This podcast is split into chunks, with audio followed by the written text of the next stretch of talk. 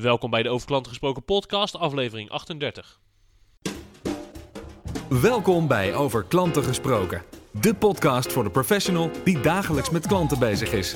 Jouw wekelijkse dosis kennis, inspiratie en energie voor de volgende stap naar een betere klantbeleving. Met uw host, Sydney Brouwer.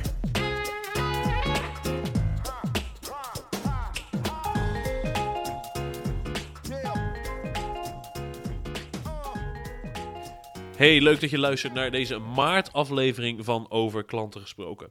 Dit is een ander soort aflevering dan dat je gewend bent.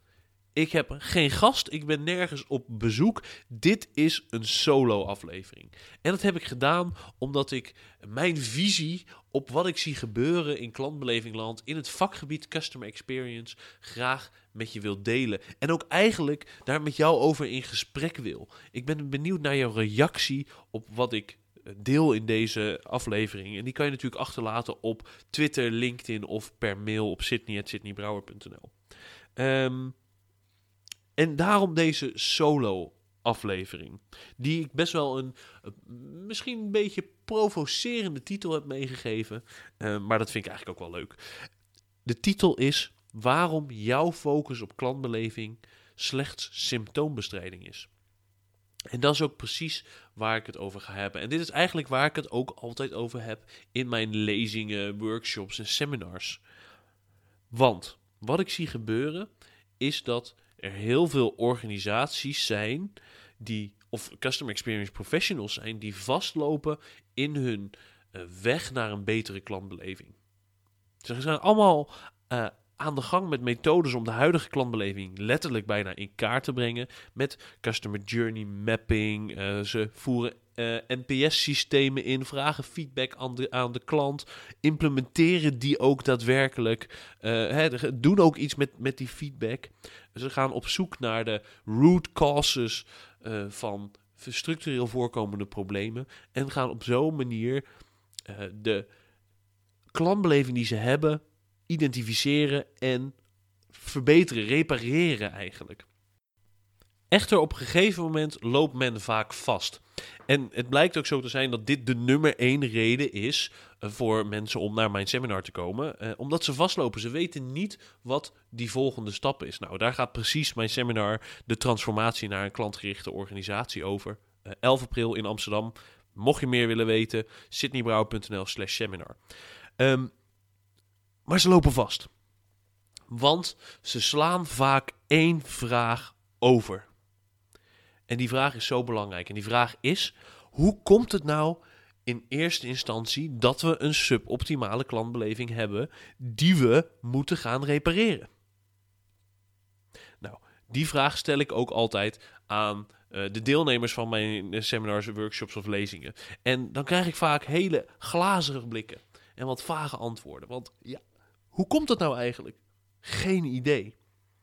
Nou, om je daar een beeld bij te geven, um, wil ik een onderzoek dat eh, BMW Nederland heeft gedaan onder haar eigen klanten met je delen. En dat onderzoek dat is op zoek gegaan naar de nummer één reden voor uh, tevreden klanten van BMW en de nummer één reden voor ontevreden klanten bij BMW. En ik vraag dan altijd, wat denk je dat de nummer één reden was voor tevreden klanten? En men uh, zegt dan vaak, hè, omdat ze zich bij het merk voelen horen... of dat ze um, um, een soort status krijgen van de auto... of omdat het uh, hele goede uh, technologische auto's zijn... Hele, hele snelle, hele mooie auto's. Maar dit is het allemaal niet. De nummer één reden voor tevreden klanten bij BMW blijkt de medewerker te zijn. Zij hebben de grootste impact op de tevredenheid van klanten. Draai je het echter om, kijk je naar wat de nummer één reden is voor ontevreden klanten, dan zijn het niet de, is niet de prijs van de auto, zijn niet de kosten van onderhoud uh, of van, van reparatie. Nee, ook daar zijn het de medewerkers. De medewerkers hebben dus de grootste impact op de tevredenheid en de ontevredenheid van klanten. Maar dat is dus interessant. Want wat we zien is dat de duizenden beslissingen die al jouw medewerkers elke dag weer maken, de grootste impact hebben op de klantbeleving. Sterker nog, ik durf te zeggen dat de, jouw klantbeleving het resultaat is van de manier waarop iedereen in jouw organisatie beslissingen neemt. En of ze het belang van die klant meewegen in de beslissingen die ze elke dag nemen. En heb ik het niet alleen maar over de mensen in, bij de klantservice. Of de accountmanagers die vaak bij de klant zijn. Of ehm, eh, van de mensen op je winkelvloer of in de showroomvloer. Die dagelijks in contact zijn met klanten. Nee, iedereen in jouw organisatie heeft direct of indirect impact op de klantbeleving met zijn of haar beslissingen. Ook de mensen van HR bijvoorbeeld. Hè? Wie nemen ze aan in het bedrijf? Selecteren ze op een klantgerichte attitude en klantgerichte skills? Maar ook waar beoordelen ze op tijdens beoordelingsgesprekken? Maar ook inkoop heeft met hun beslissingen impact op de klantbeleving.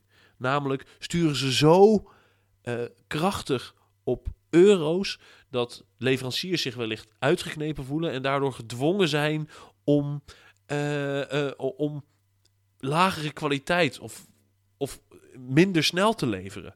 Waardoor dat uiteindelijk impact heeft op de beleving van jouw klanten. Maar ook marketing. Met doen zij in hun marketingbeloftes, in marketinguitingen, doen ze daar beloftes die operations of die de klantenservice of noem het op niet na kunnen komen. En natuurlijk de mensen in de boardroom. Wat vinden zij het belangrijkste in het bedrijf? Waar sturen ze op? Is dat puur financieel gestuurd of is het ook langer termijn denken um, als het gaat om de klant en om klantbeleving? Al deze beslissingen tezamen vormen uiteindelijk hoe jouw klantbeleving eruit ziet. En op die beslissingen moeten we dan ook gaan inzoomen als we die klantbeleving duurzaam naar een hoger niveau willen tillen.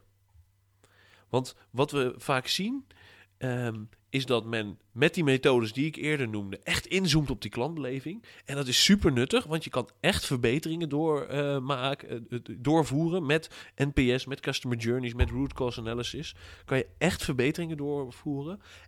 Echter, als je die constante stroom klantonggerichte beslissingen die in jouw organisatie gemaakt worden niet aanpakt, zul je die dus moeten blijven repareren.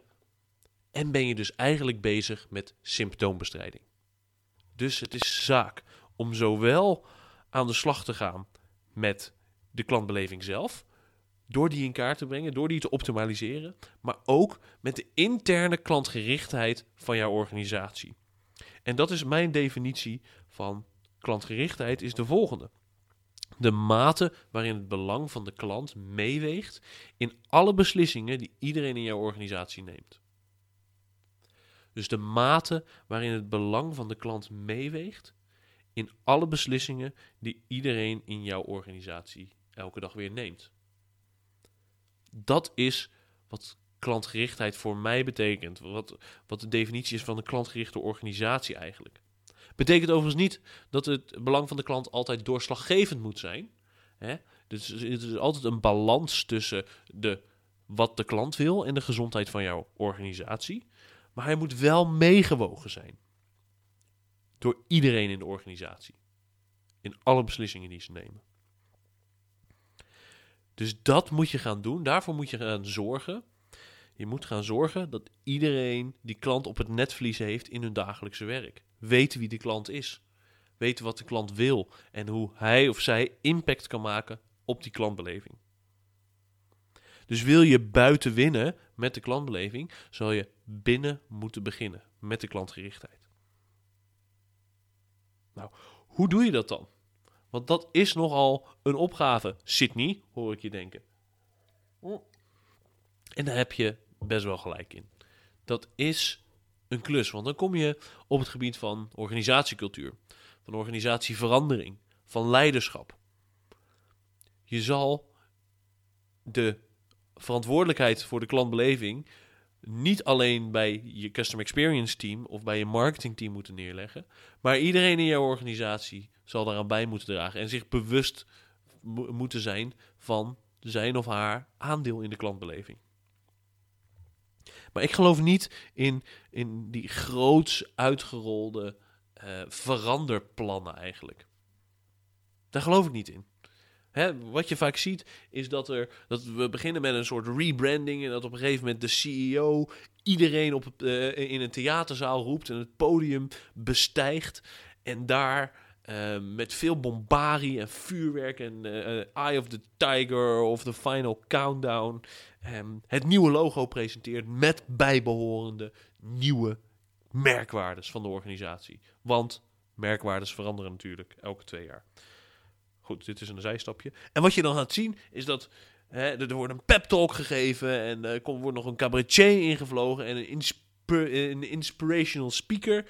En um, vervolgens gaat iedereen de volgende dag terug naar werk en gaat precies dezelfde dingen op de precies dezelfde manier doen als dat ze de dag daarvoor deden.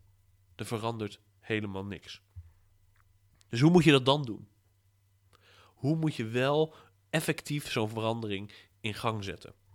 Nou, daar heb ik met verschillende mensen over gesproken. En, en, verschillende mensen hebben daar ook over geschreven. Jos Burgers, Jitske Kramer, Ben Tichelaar. Um, en eigenlijk wat blijkt nou zo te zijn, is dat zo, je, je zo'n verandering, eh, of dat nou is van je eigen gedrag of hè, van een organisatie, zo'n verandering is alleen um, effectief als je dat met ridicuul kleine stapjes doet. Of zoals Jos Burgers het zegt, met stapjes die eigenlijk too small to fail zijn. Zo klein dat je niet kan falen. Dus je moet die ridicuul kleine stapjes, die moet je gaan zetten in jouw organisatie. En het liefst op een aantal verschillende plekken tegelijk. Zodat men in de organisatie wel merkt dat er iets aan de gang is. Dat het wel zichtbaar is. Maar dat het niet zo groot is dat mensen er bang van worden. Dus wat, wat we vaak doen is dat we een aantal mensen in je organisatie selecteren die voorop lopen op het gebied van klantgericht werken en denken. En hun geef je de kennis en de tools om een aantal klantgerichte initiatieven te starten in de organisatie.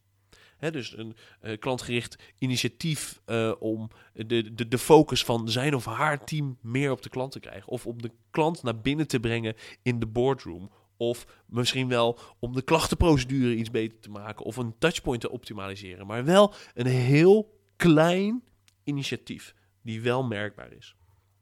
En als je dat door een groep mensen op verschillende plekken tegelijk laat doen, dan zul je zien dat het van onderop gaat borrelen.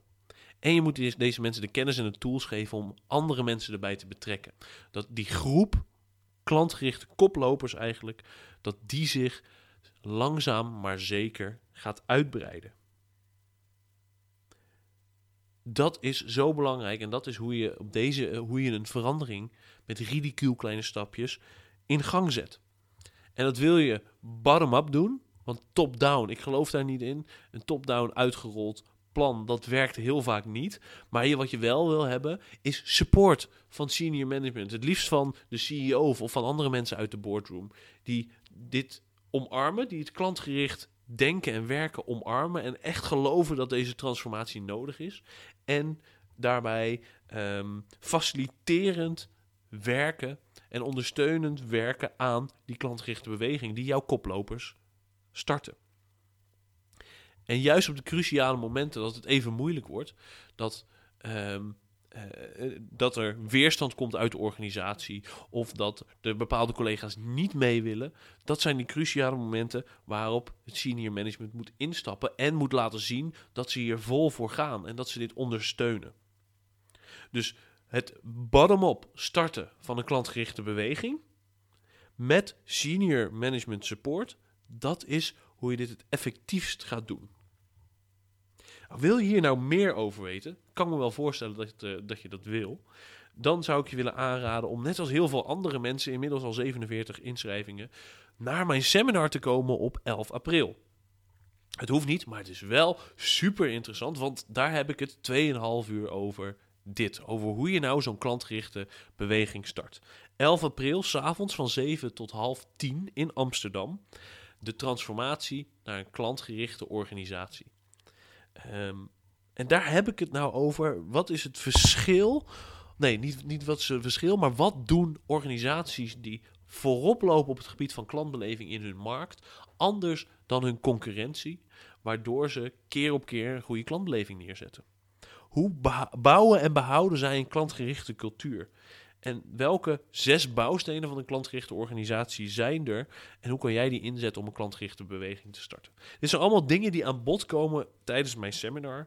En ehm, ik denk dat het super waardevol voor jou is als je met klantgerichtheid en klantbeleving bezig bent. Misschien ben jij wel iemand die vastloopt in jouw weg naar een betere klantbeleving. Maar hoe dan ook, dit is super interessant voor je. Het kost weinig. 49 euro uh, exclusief BTW. En dat is eigenlijk alleen maar de zaal en de, en de cateringkosten. Um, dus ik zou zeggen, kom kennis maken met mij. Of kom kijken. Of kom jouw ideeën of jouw visie delen met andere um, um, deelnemers uit de zorg, uit de, de, de financiële branche, uit woningbouwcorporaties, automotive, luchtvaart. Ze zijn er allemaal bij die dag, 11 april. En ik hoop dat jij er ook bij bent. Ik hoop dat je dan zie. Um, ik heb ook een artikel geschreven bij deze podcast. Ook heel interessant om uh, te lezen, denk ik. Dan kan je nog eens even rustig mijn gedachten teruglezen. Die vind je, net als het linkje naar het seminar, op www.sydneybrouwer.nl slash 38. Dat is het cijfer 38. En wil je nou meer informatie weten, uh, krijgen over dat seminar en wil je direct inschrijven, doe je dat op www.sydneybrouwer.nl slash seminar. Dat was het voor nu. Ik heb toch alweer in mijn eentje zo'n 17 minuten volgepraat. Um, ik vind het wel gaaf dat je hebt geluisterd. Dankjewel. Um, en ik ben ook benieuwd naar wat je, wat je ervan vindt. Wat vind je nou van mijn visie? Want hoewel ik heel vaak na lezingen of workshops mensen naar me toe komen die zeggen: Ja, dit is inderdaad waar we tegenaan lopen. En dit is inderdaad een issue van ons. Uh, ga ik ook nog wel eens, heb ik ook nog wel eens discussies met mensen die er toch anders tegenaan kijken. Maar ik ben benieuwd wat jij ervan vindt. Laat een reactie achter op de blog op LinkedIn of stuur me een mailtje op sydney.sydneybrouwer.nl of reageer op Twitter, LinkedIn, noem het op. Ik ben benieuwd naar jouw visie op het verschil tussen klantbeleving, extern en interne klantgerichtheid en hoe zich die tot elkaar verhouden. Dankjewel voor het luisteren. Alle informatie www.sydneybrouwer.nl slash 38 in de show notes. En um, de volgende keer in Over Klanten Gesproken heb ik weer een gast. Tot de volgende keer bij Over Klanten Gesproken. Bedankt voor het luisteren naar deze aflevering van Over Klanten Gesproken. Voor meer afleveringen en de show notes, kijk je op sydneybrouwer.nl slash podcast. Graag tot de volgende keer.